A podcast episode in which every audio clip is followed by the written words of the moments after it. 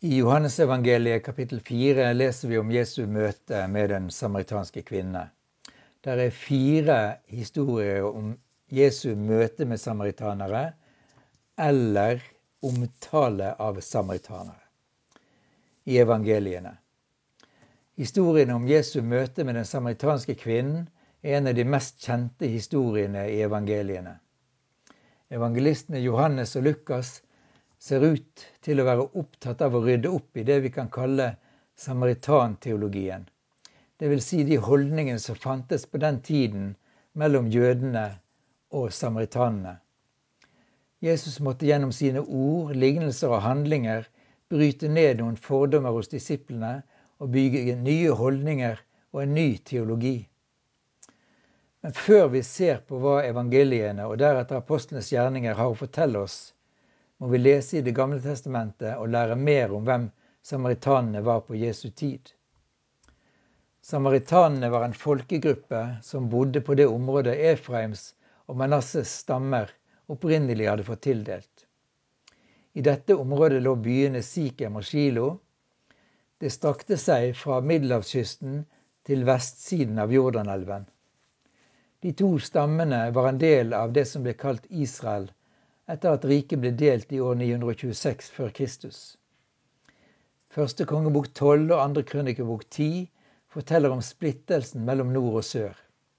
Nordriket Israel, der Jeroboam var konge, bestod av Israels ti stammer. Jeroboam bosatte seg i Sikhem. Elia og Elisha var profetene i Israel på den tiden, og kongebøkene og krønikebøkene forteller at frafallet fra Israels gud var stort. Byen Samaria ble Israels hovedstad. Sørriket Juda med Rehabeam, kong Salomos sønn, som konge, bestod av Judas stamme.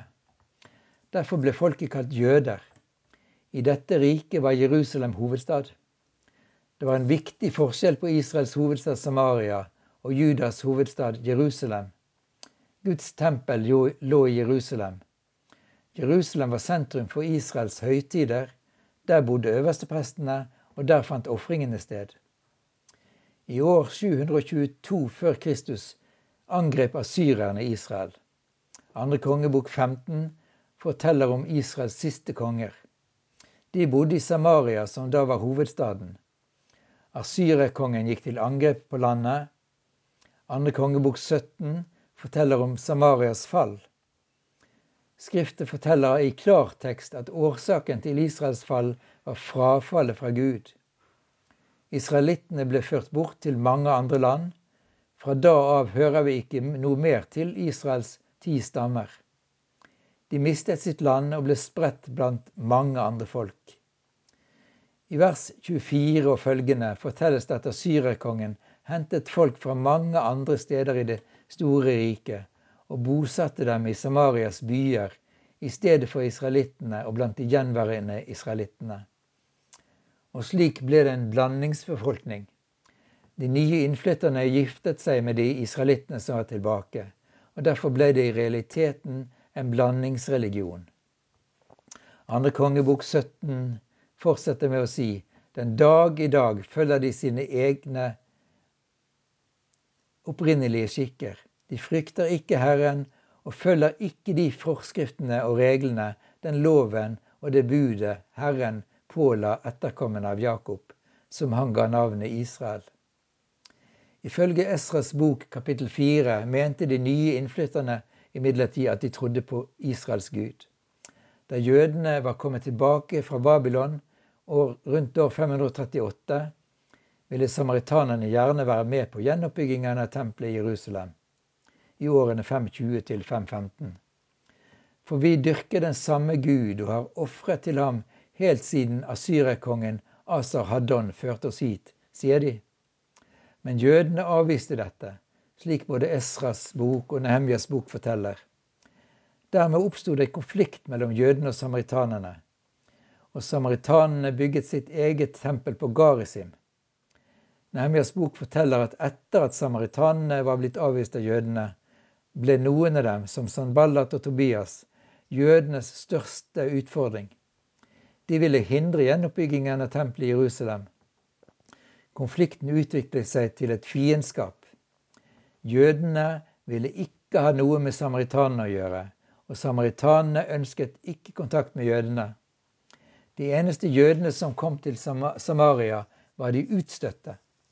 Når noen var utstøtt fra samfunnet, slik som de spedalske, så fant jøder og samaritaner sammen. Samaritanene bygget sin religion på de fem Mosebøkene, men avviste profetene og den jødiske tradisjonen. Splittelsen mellom jødene og samaritanerne var derfor både etnisk og religiøs. Har det vært et tempel på Garisim? Historikere og arkeologer diskuterer det. Men den jødiske historikeren Josefus skriver imidlertid at øverstepresten i Jerusalem ble avsatt fordi han hadde giftet seg med en ikke-jødisk kvinne, Nikaso, som var datter av samaritanen Sanballat. Sanballat bygde så et tempel på Garisim, der denne øverstepresten kunne fortsette sin tjeneste. Samaritanene så på seg selv som de sanne israelittene. Jødene var for dem de frafalne. De mente at fjellet Garisim var stedet som var utpekt av Gud for Guds helligdom, ifølge 5. Mosebok 11, 29 og 30. Over dette fjellet lyste Josva Guds velsignelse. Tempelet på Garisim ble trolig bygget i år 388 før Kristus. De hadde sitt eget presteskap. Under den syriske kongen Antiokus den 4. Epifanes ble tempelet skjendet, og den greske guden Sevs ble tilbedt.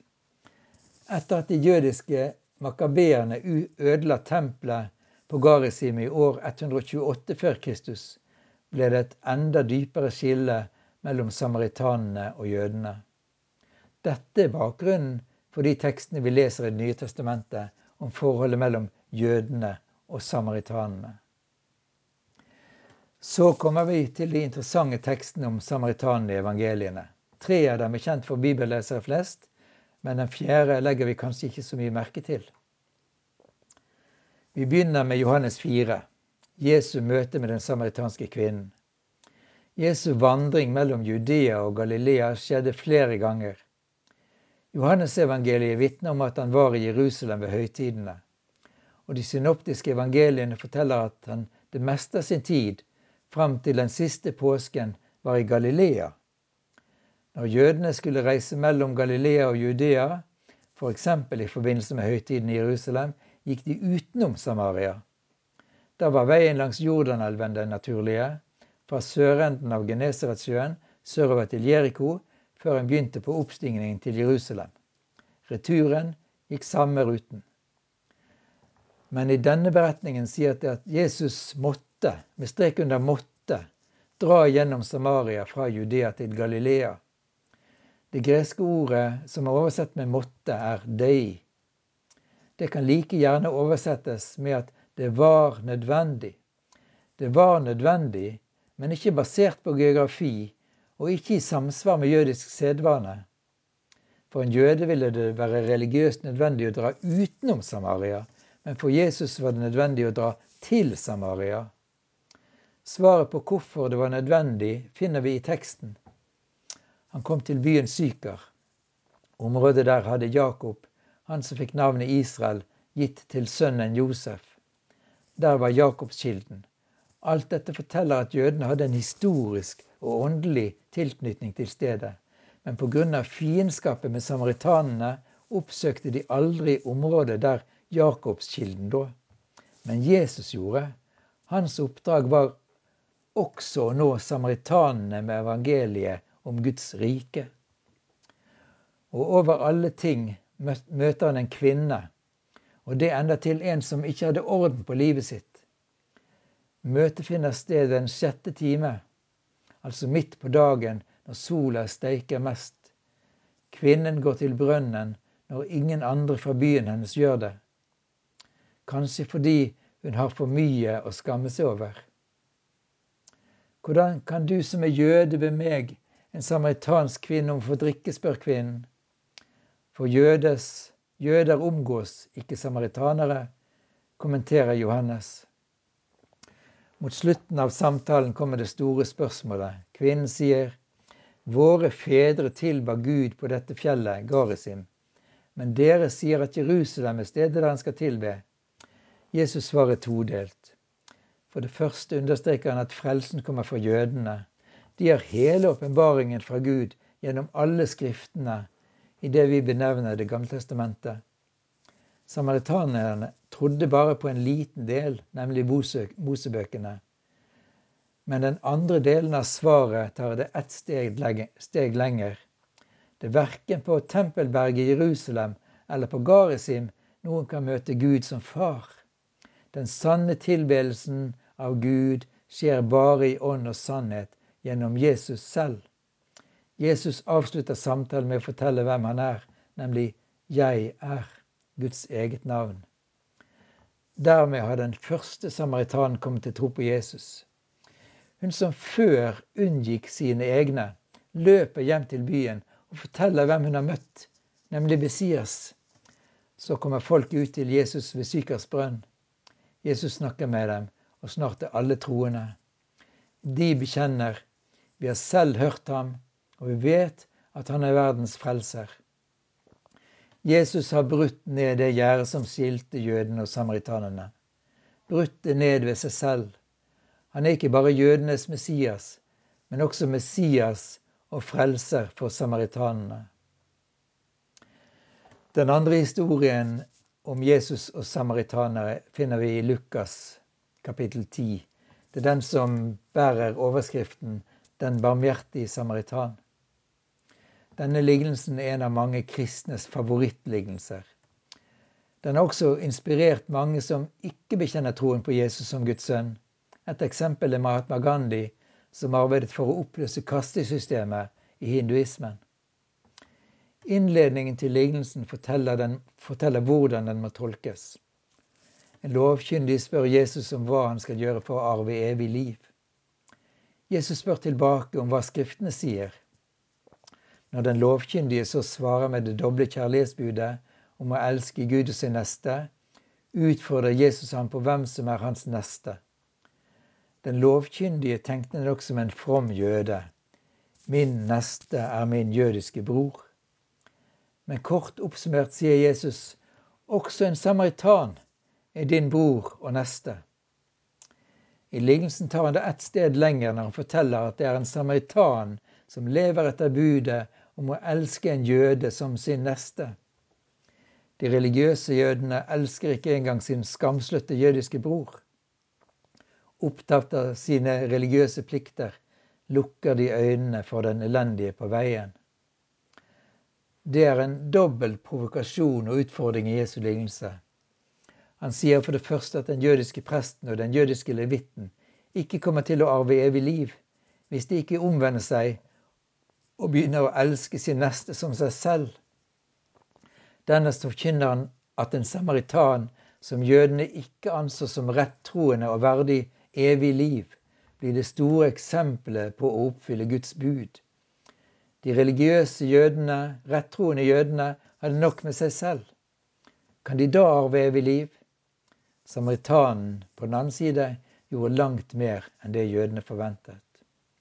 Så avslutter Jesus med å si til den jødiske lovkyndige, gå du og gjør som han, altså en samaritan. Jesu disipler må ha fått noe å tenke på. Den tredje beretningen finner vi i Lukas 17. I Bibelselskapets utgave av denne teksten overskriften 'Den takknemlige samaritanen'. Jeg tror ikke den treffer helt. Det må jeg begrunne. Helbredelsen av ti spedalske menn finner sted i grenselandet mellom Galilea og Samaria. De ti er både jøder og samaritaner.